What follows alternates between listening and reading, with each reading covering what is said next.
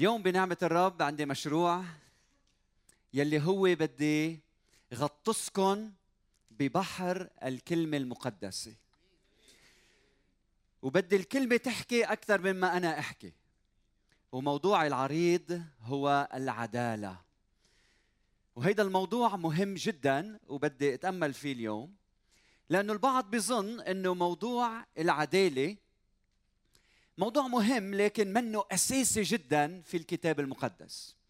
يعني ممكن أنت تمارس الطقوس والعادات والصلوات وتحج وتزور وتعمل الأمور المقدسة وتصلي وإلى آخره لكن من جهة أخرى ببيتك أنت مثلا قاسي مع أهل بيتك أنت بتعنف بتظلم الآخرين بمؤسستك بشغلك يمكن بالكلام يمكن بمواقفك يمكن بتصرفاتك يمكن بأدائك يمكن بتفكيرك بتظلم الآخر.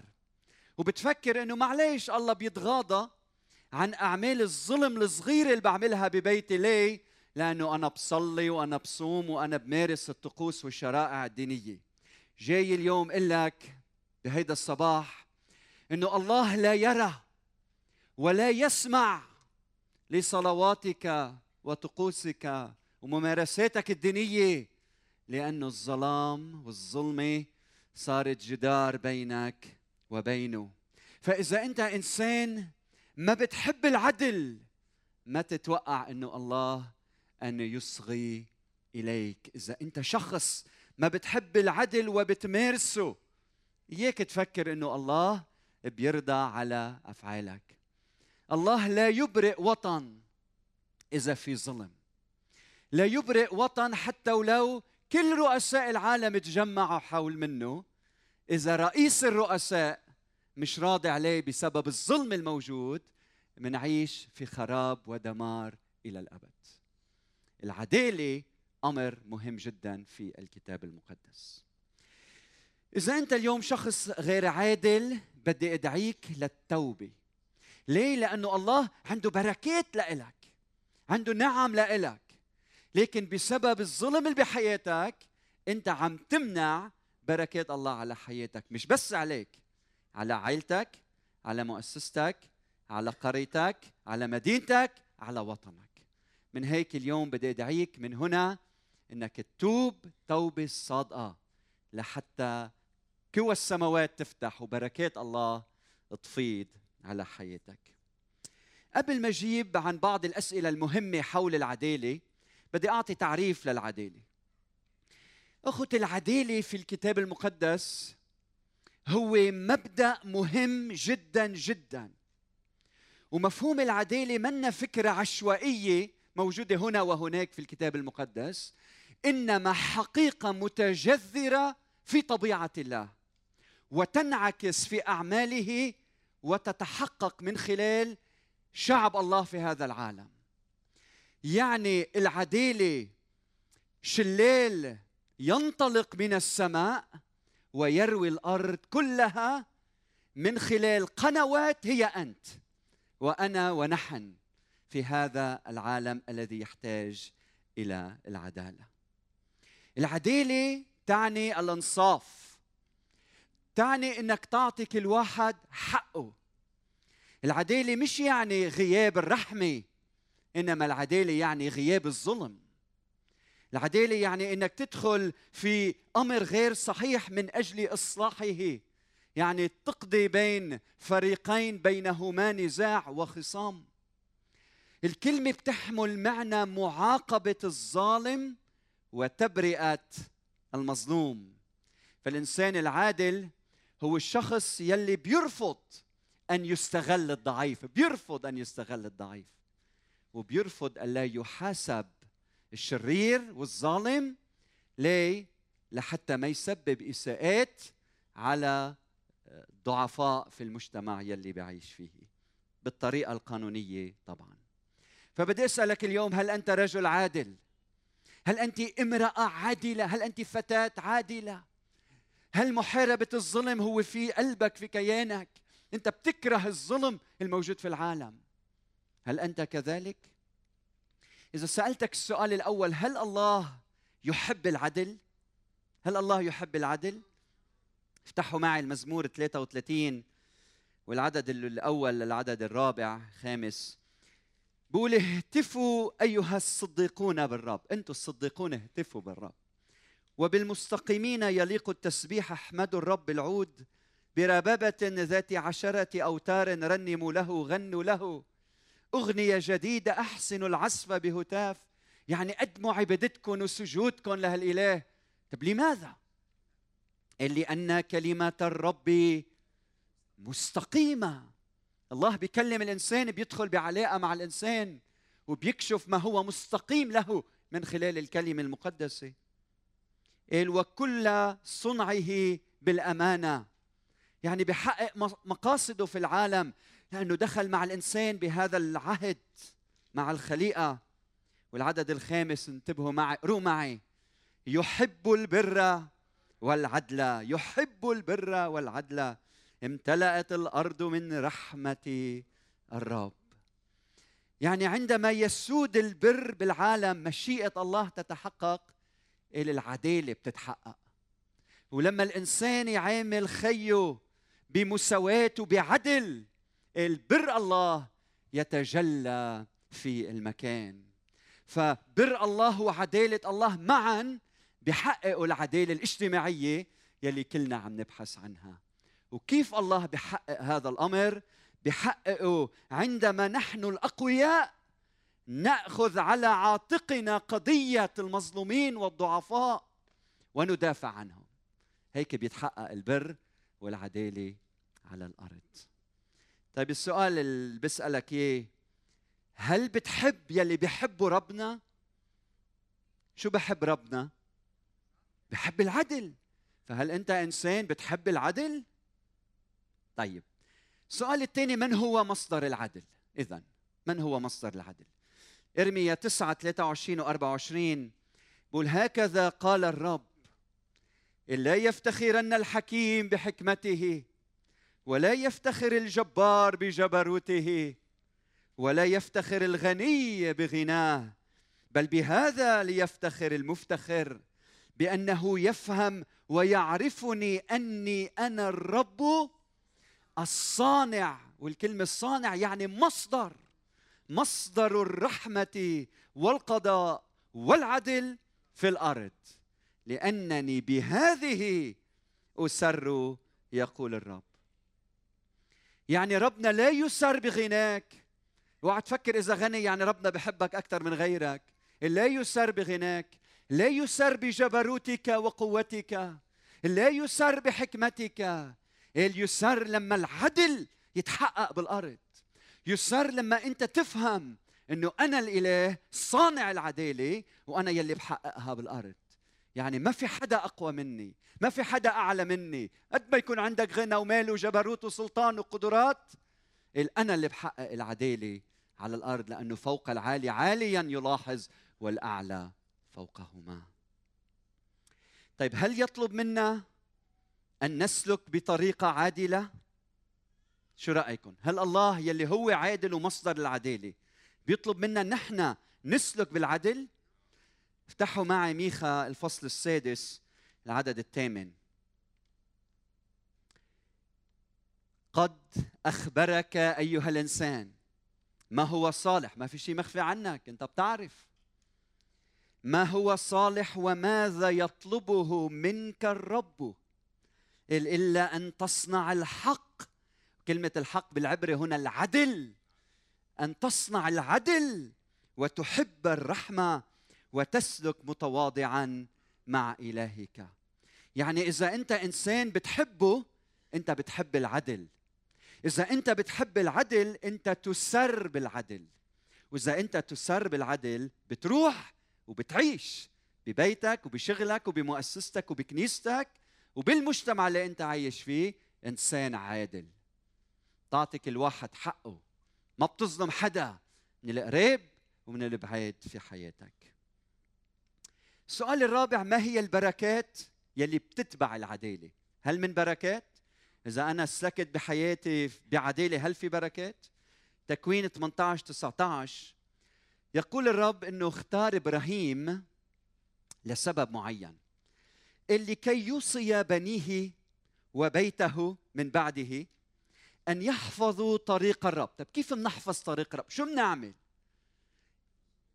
اللي يعمل برا وعدلا ترجمة أخرى ويعمل العدل والإنصاف لكي يأتي الرب لإبراهيم بما تكلم به.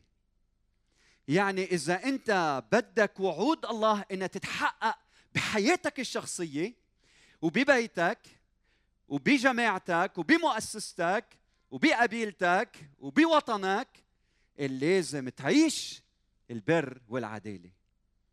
يعني وعود الله لإبراهيم منا وعود غير مشروطة. أنا بباركك وبعطيك وعمول مثل ما بدك. ظلم الآخرين تعدى على حقوق الآخر ابدا. هالوعود كلها مرتبطة بأمانتك مرتبطة بمحبتك للعدل ومحاربتك للظلام. مش بتسود وبتظلم الآخر وبعدين توقع إنه الله يباركك. فإذا بدك البركة بدك أنت تاخذ قرار تعيش البر. في نعم بركات. بتتبع الشخص يلي بيسلك بعداله بيسألني شاب بيقول لي قسيس أنا عندي مشكلة. كل ما بدخل على بيتي بحس كأنه في أرواح ساكنين ببيتي. في شيء غلط ببيتي. بحس إنه كأنه الله مش موجود بهيدا البيت. شو لازم أعمل؟ شو المشكلة؟ ليه؟ هل لازم بيع بيتي وروح على بيت آخر؟ سألته كم سؤال شعرت إنه هيدا الإنسان في ظلم ظالم. بيعامل زوجته بطريقة فيها ظلم.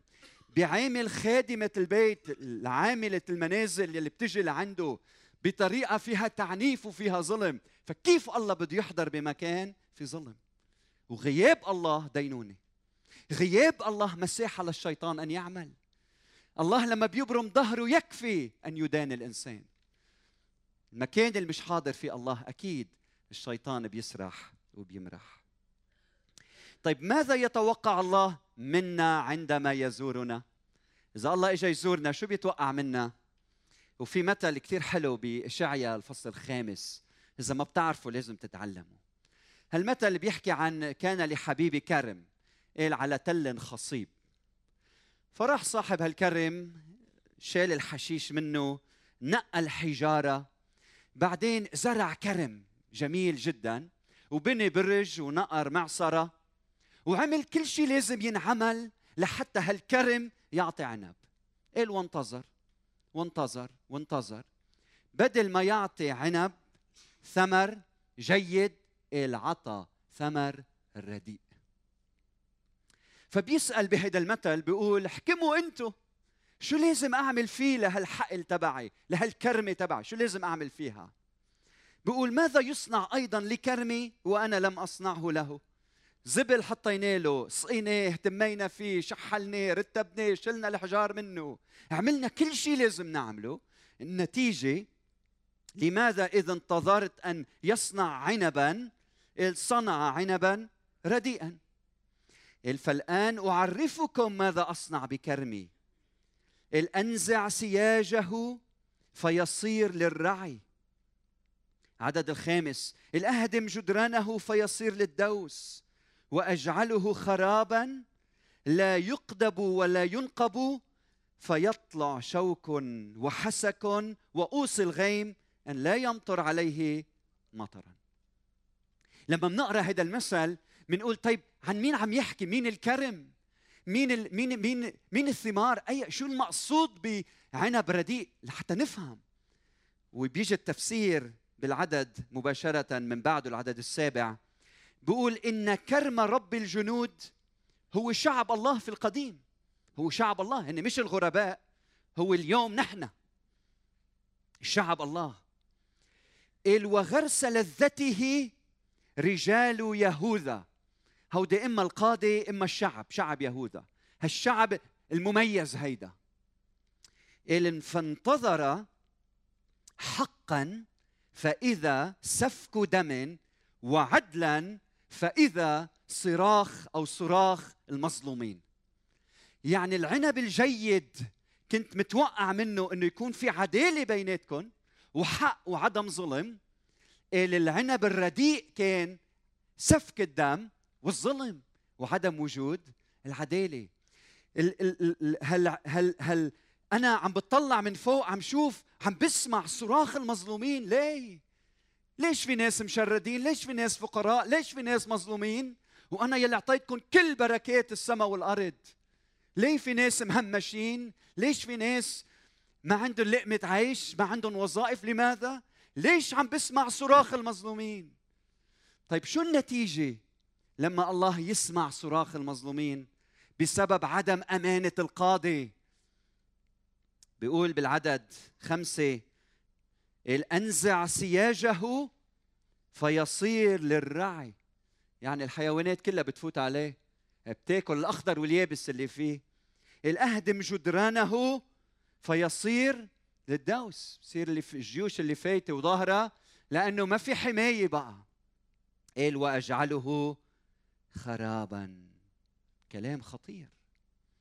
كلام خطير. أيها الظالم اللي عم تسمعني إذا ما بتتوب أنت بتسبب الدمار وقديش في ناس تشردوا وتعذبوا بسبب ظلم الكبار.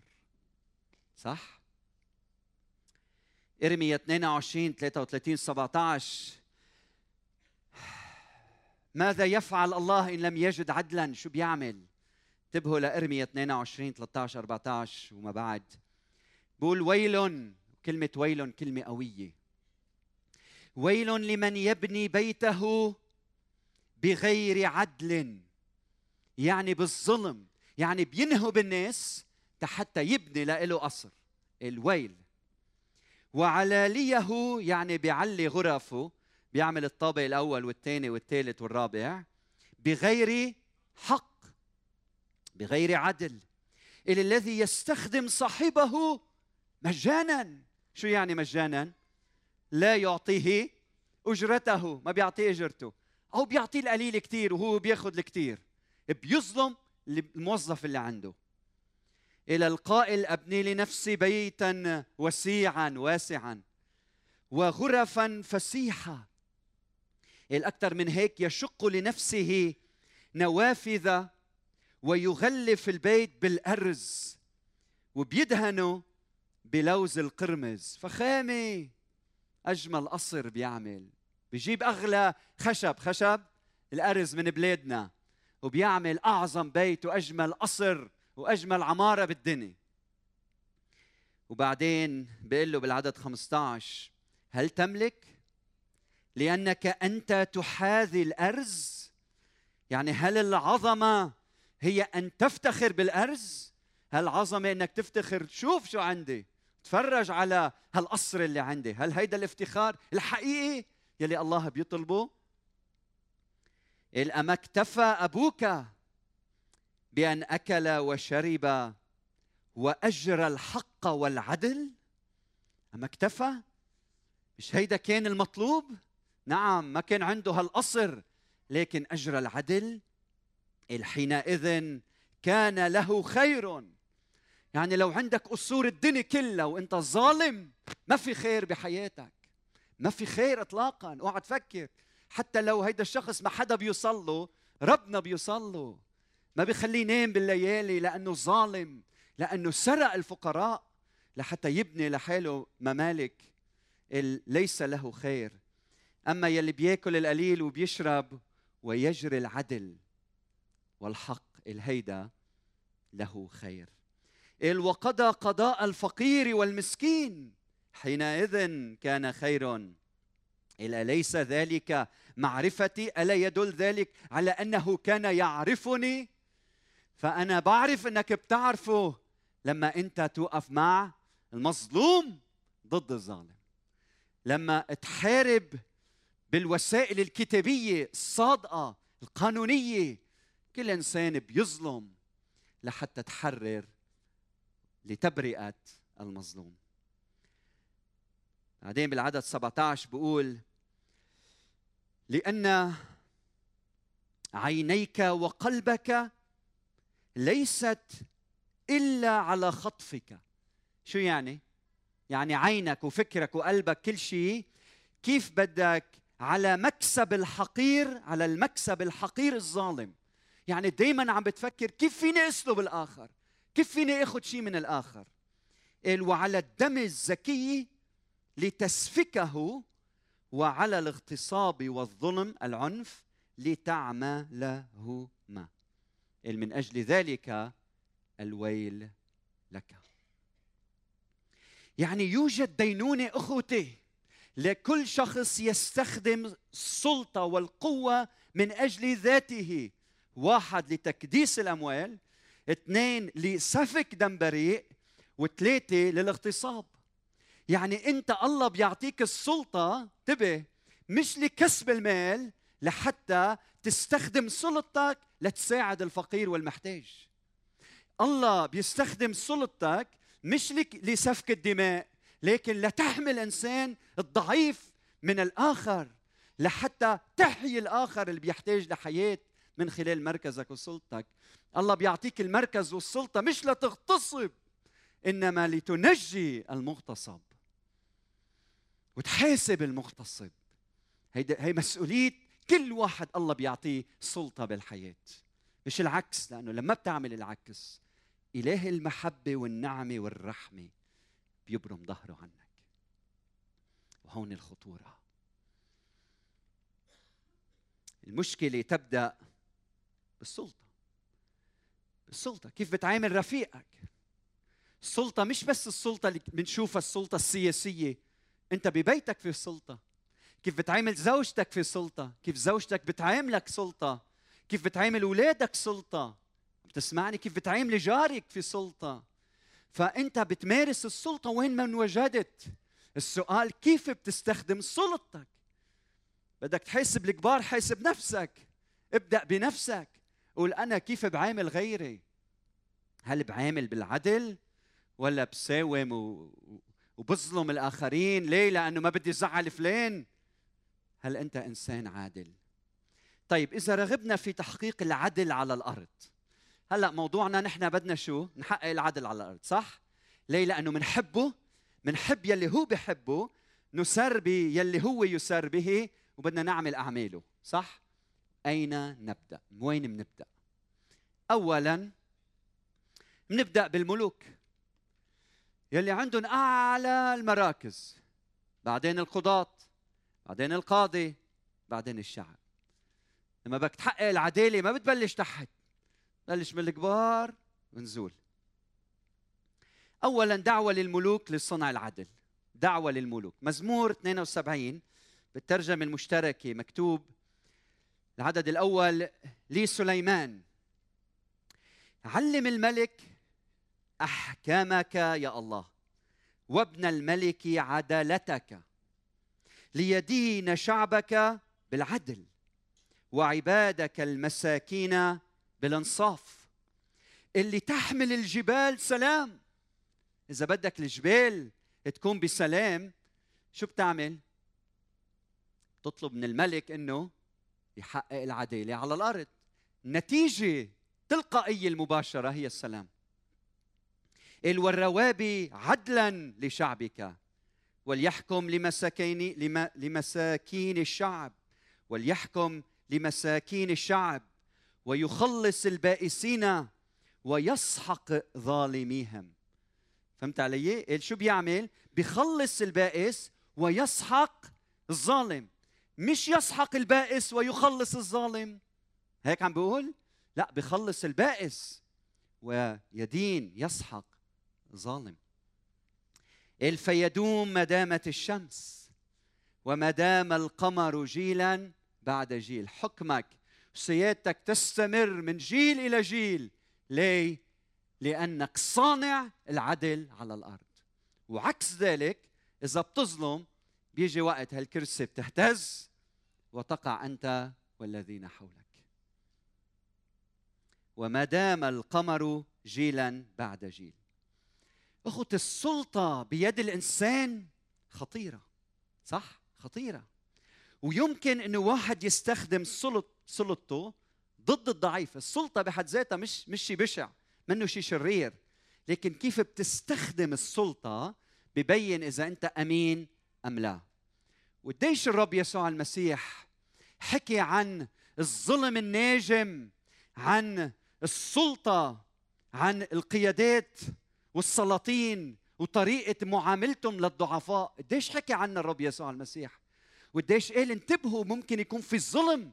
إذا أنت الكبير ما بتعرف تعامل الضعيف بتظلمه وتأتي دينونة الله. والرب يسوع المسيح حل هيدي المشكلة.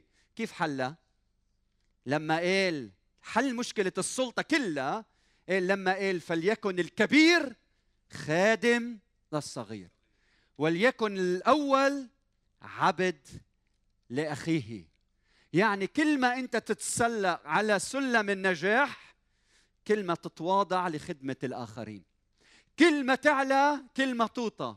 وكل ما توطى كل ما تعلى. آمين؟ هيدا المبدأ الكتابي يلي اجى المسيح يخط فيه كل القيادات الموجودة في العالم ويلي بيمشي بموجب تعليم يسوع بيكون إنسان عادل في تصرفاته. إذا أنت بسلطتك عم تظلم غيرك بدي أدعيك للتوبة. للتوبة الصادقة لأنه من دون توبة ويسوع يمتل يمتلك قلبك ويدخل على قلبك أنت ما فيك تعيش بالعدالة. لأنه بتبقى الأنا هي المسيطره على حياتك. من هنا ضرورة التوبة الصادقة. لما بتوب وبصير يسوع اهتمامك الأقصى بصير الفقير اهتمامك الأول.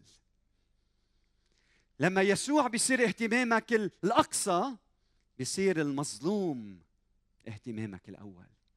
وما فيك تنام من دون ما تواجه الظالم. لتحقق العدل على الأرض. شو المطلوب؟ اسمع يا ملك. إرميا 22 عم بخاطب الملك أعداد واحد لخمسة. وقال لي الرب انزل إلى قصر ملك يهوذا. وقل له اسمع كلمة الرب يا ملك يهوذا الجالس على عرش داوود أنت أولا وعبيدك وشعبك الداخلون من هذه الأبواب. احكموا بالعدل. وانقذوا المظلوم من يد الظالم. انتبه لهالكلمات. هي مسؤوليتك هيدا دورك. إلا تضطهدوا الغريب يلي بينزل ببلدك غريب ما تضطهده ما تقصيه ما تحطه على جنب ما تدينه ما تهش تهمشه وتهشمه. ها؟ هيدا الغريب اللي بينزل لعندك من وين ما كان. سامي شو ما كان لونه وشكله لما بينزل لعندك بتحبه وبتعامله مثل أبناء وطنك. لا تضطهدوا الغريب. هذا الظلم نتيجة إقصاء الغرباء. حتى إذا بدكم الرب يسوع المسيح دخل بعد أعمق من هيك حتى عدوك صير جاره لتربحه. هالقد ما تقصي حدا. قال واليتيم والأرمنة والأرملة ولا تجوروا عليهم يعني ما تظلموهم ولا تسفكوا الدم البريء في هذا الموضع.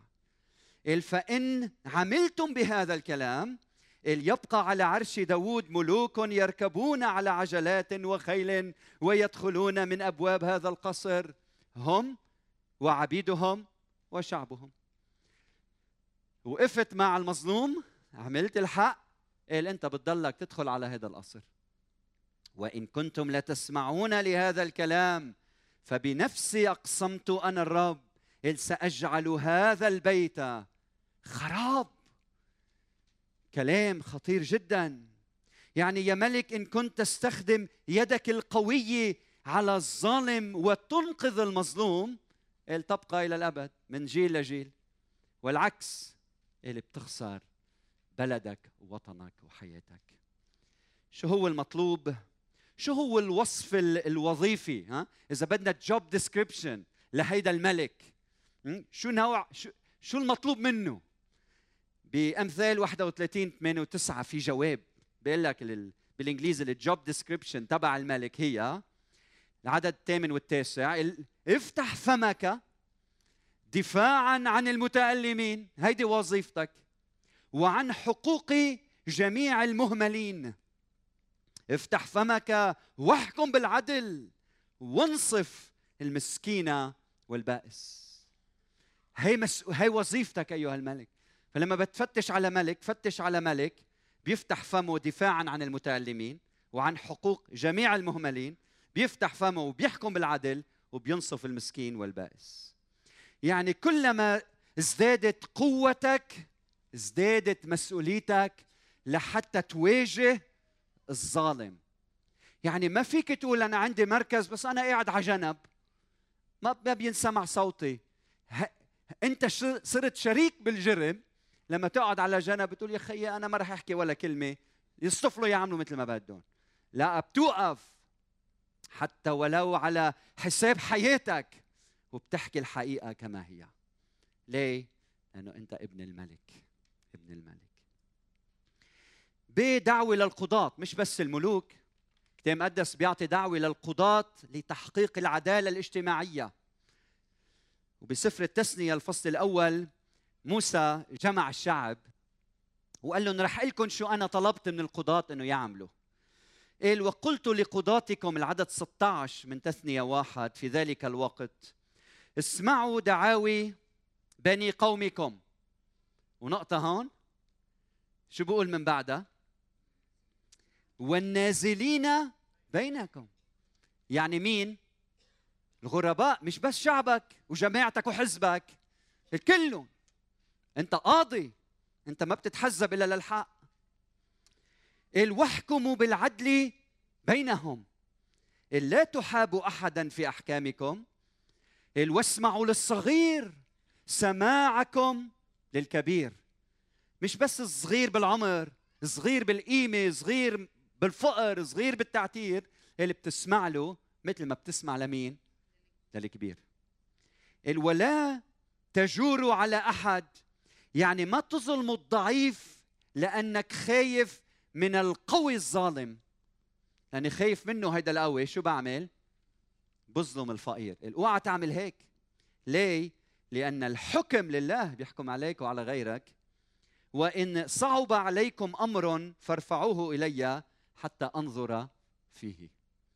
تثنية 16 18 20 بقول أقيموا لكل أقيموا لكم قضاة وحكاما في جميع مدنكم التي يعطيكم الرب إلهكم وبحسب أصباطكم يقضون فيما بين الشعب قضاء عادلا.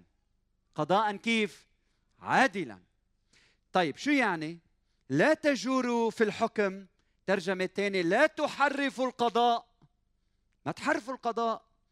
ولا تحابوا أحدا ولا تأخذوا رشوة لأن الرشوة تعمي أبصار الحكماء وتحرف أقوال الصادقين. هل عليكم بالعدل فاتبعوه لتحيوا وتمتلكوا الأرض التي يعطيكم الرب إلهكم.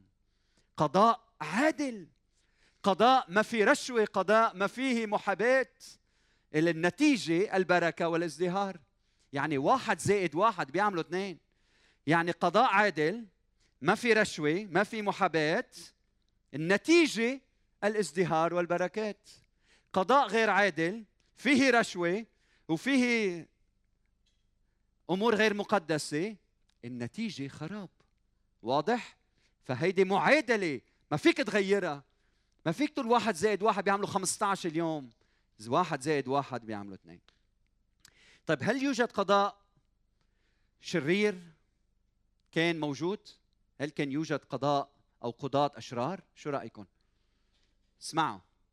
بإشعيا عشرة واحد لأربعة بيقول ويل للذين يشترعون شرائع الظلم والمقصود فيها بيخترعوا القوانين لمصالحهم وغاياتهم وأهدافهم من أجل أولادهم وممتلكاتهم بغيروا القانون لمصالحهم.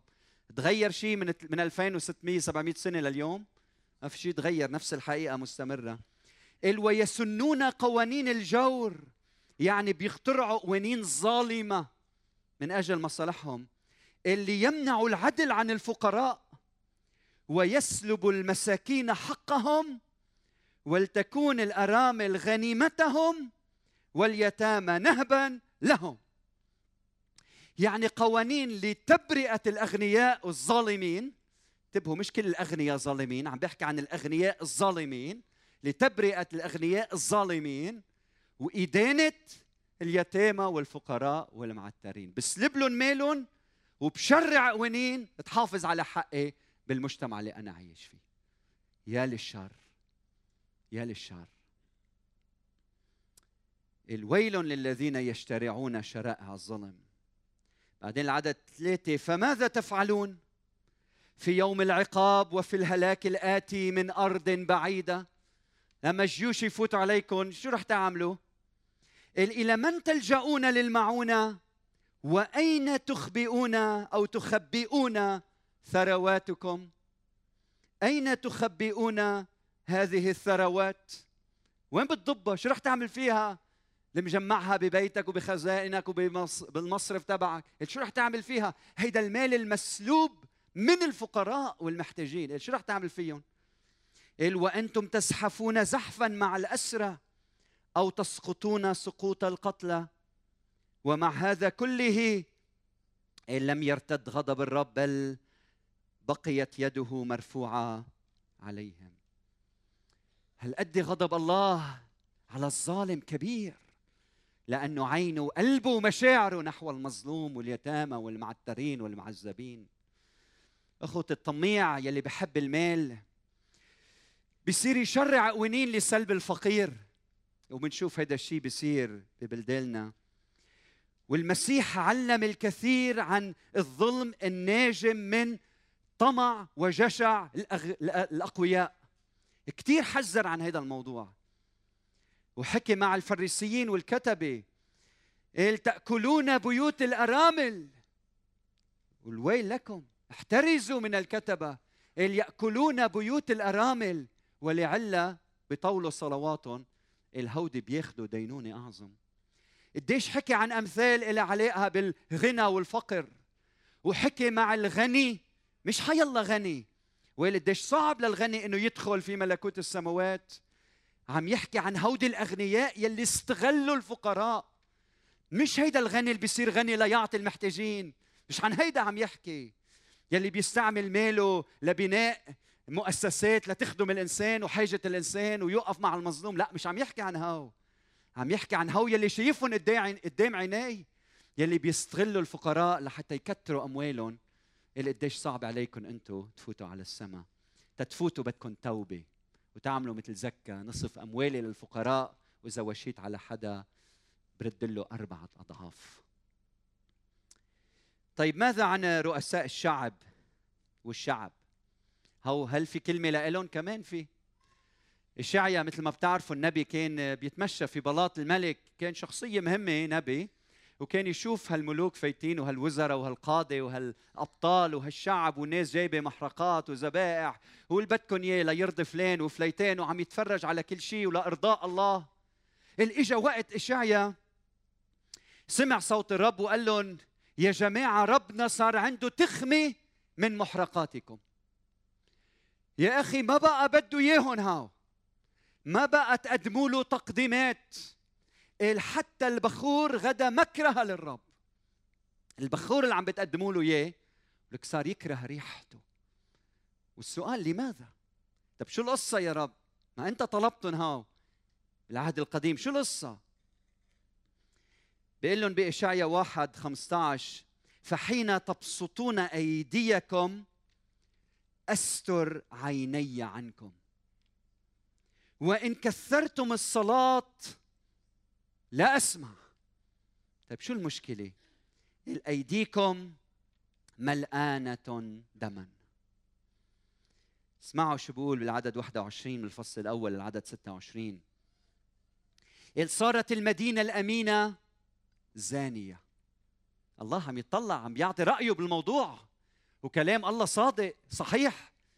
هيدي مش وجهة نظر هي الحقيقة لأنه الله اللي عم يتكلم. اللي كانت عامرة بالعدل. بدك تعمر؟ بدك شو؟ عدل. اللي كانت عامرة بالعدل. وفيها يسكن الحق. أما الآن ففيها يسكن القتلة الفضتك صارت زغلا. وخمرك مغشوشة بماء. حكامك قوم متمردون وشركاء لقطاع الطرق. بيبعتها جماعته روح اسرق لي شوي اعمل لي نهوب. مجموعة خذ لك قرشين وجيب لي الكتار. الكلهم يحب الرشوة ويسعى وراء الربح. لا ينصفون اليتيم بشيء ولا تصل إليهم دعوى الأرملة. الأرملة اللي معترة بتصرخ وبتقدم شكواها وبينحطوا بالجرور. ليه؟ لأنه ما معها قرشين تكبهم على هالزعماء لياخذوا القرار لخيرها لأنه اللي انظلمت منه قوي. وقال له للقاضي شو؟ حط لي هالملف بالجرور ونسيه. وعدي يا ارمل انطري. لذلك قال الرب القدير جبار إسرائيل سأريح نفسي من خصومي وأنتقم من أعدائي. طيب مين مين عدوه هون؟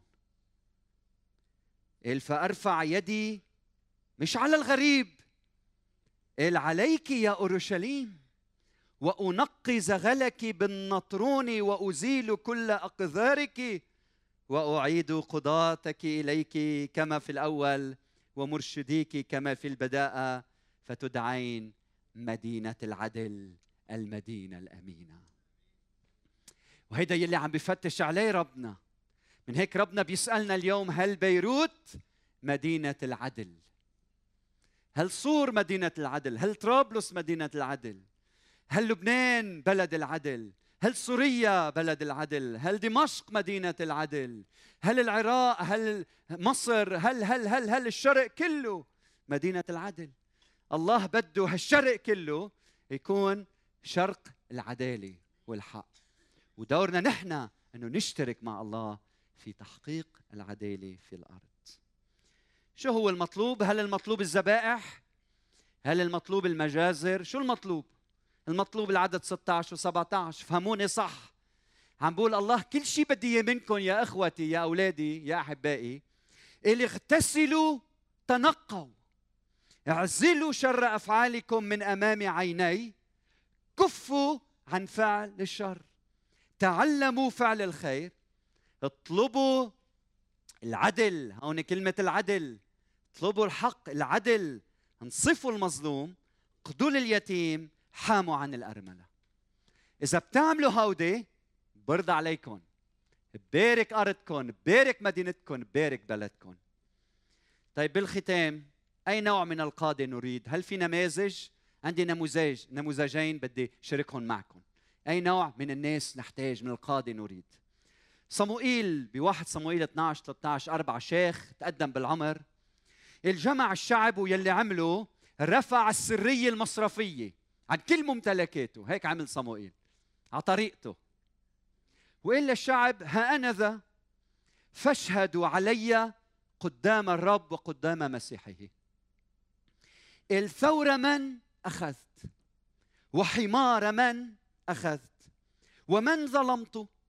ومن سحقت ومن يد من أخذت رشوة لأغض عنه النظر. مين اخذت منه رشوة؟ قلت له يلا معلش قتلت سرقت ماشي الحال اقطع. فأرد لكم. رفع السرية المصرفية قال هيدا حساباتي كلها. حاسبوني أنتم يا شعب. وقف قدام الشعب. طيب الشعب حاسب شو قالوا له؟ فقالوا له لم تظلمنا ولا سحقتنا ولا أخذت من يد أحد شيء. بكل بساطة امتحنوني فحصوني حسبوني.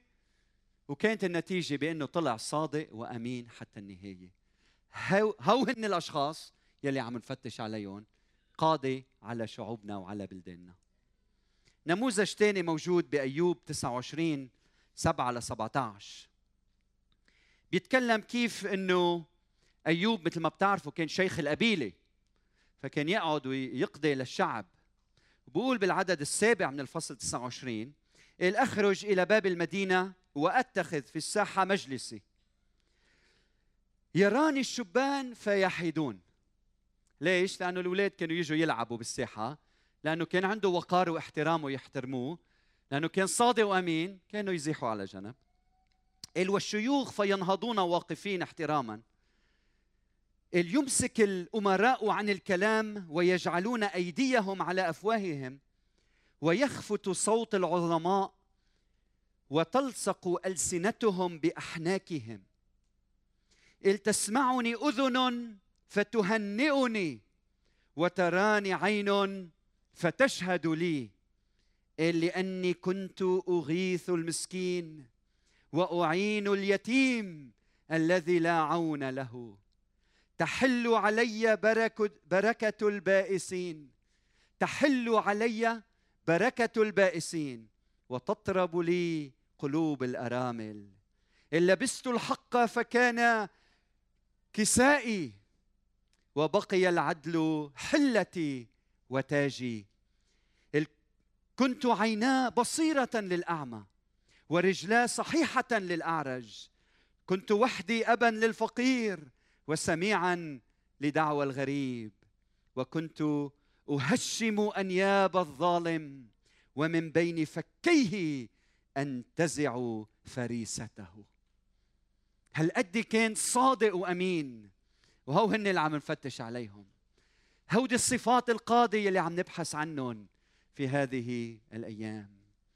ومين يلي هو تاجهم كلهم. مين يلي هو اجى من فوق وهو ربهم كلهم؟ وعيش الحقيقة بالعالم. هو الرب يسوع المسيح. يلي فيه الحق والنعمة هو الإله العادل الصالح يلي وقف مع المتألم والمعذب والضعيف والمصدوم والمهمش ورفعه في المكان العالي. أمين. وبعض الآيات عن هيدا الإله يلي تنبوا عنه في القديم لازم تنتبهوا لهم نحن بنعرفهم بس لازم نقريهم بسياقهم. بقول إشعيا تسعة لأنه يولد لنا ولد ونعطى ابنا. وتكون الرياسة على كتفه ويدعى اسمه عجيبا مشيرا إلها قديرا أبا أبديا. رئيس السلام كملوا معي اللي نمو رياسته وللسلام لا نهاية على كرسي داود وعلى مملكته ليثبتها ويعضدها. بالحق وكلمة الحق يعني العدل والبر بالحق والعدل من الآن إلى الأبد. شعي 11 واحد يخرج فرع من جذع يسى وينمو غصن من أصوله. روح الرب ينزل عليه روح الحكمة والفهم والمشورة روح القوة والمعرفة والتقوى ويبتهج بمخافة الرب إلا يقضي. بحسب ما ترى عيناه ولا يحكم بحسب سماع أذنيه بل يقضي للفقير بالعدل وينصف الظالمين بكلام كالعصا ويميت الأشرار بنفخة من شفتيه يكون العدل حزاما لوسطه والحق مئزرا حول خصره.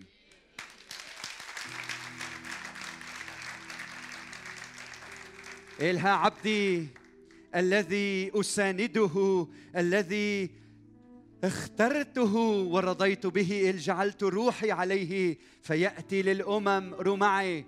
بالعدل لا يصيح لا يرفع صوته لا يسمع في الشارع. صراخه قصبة مردودة لا يكسر وشعلة خامدة لا يطفئ. بأمانة يقضي بالعدل لا يلوي ولا ينكسر. حتى شو حتى شو يقيم العدل في الأرض فشريعته رجاء الشعوب. وهيدا هو الإله يلي أعطينا حياتنا له.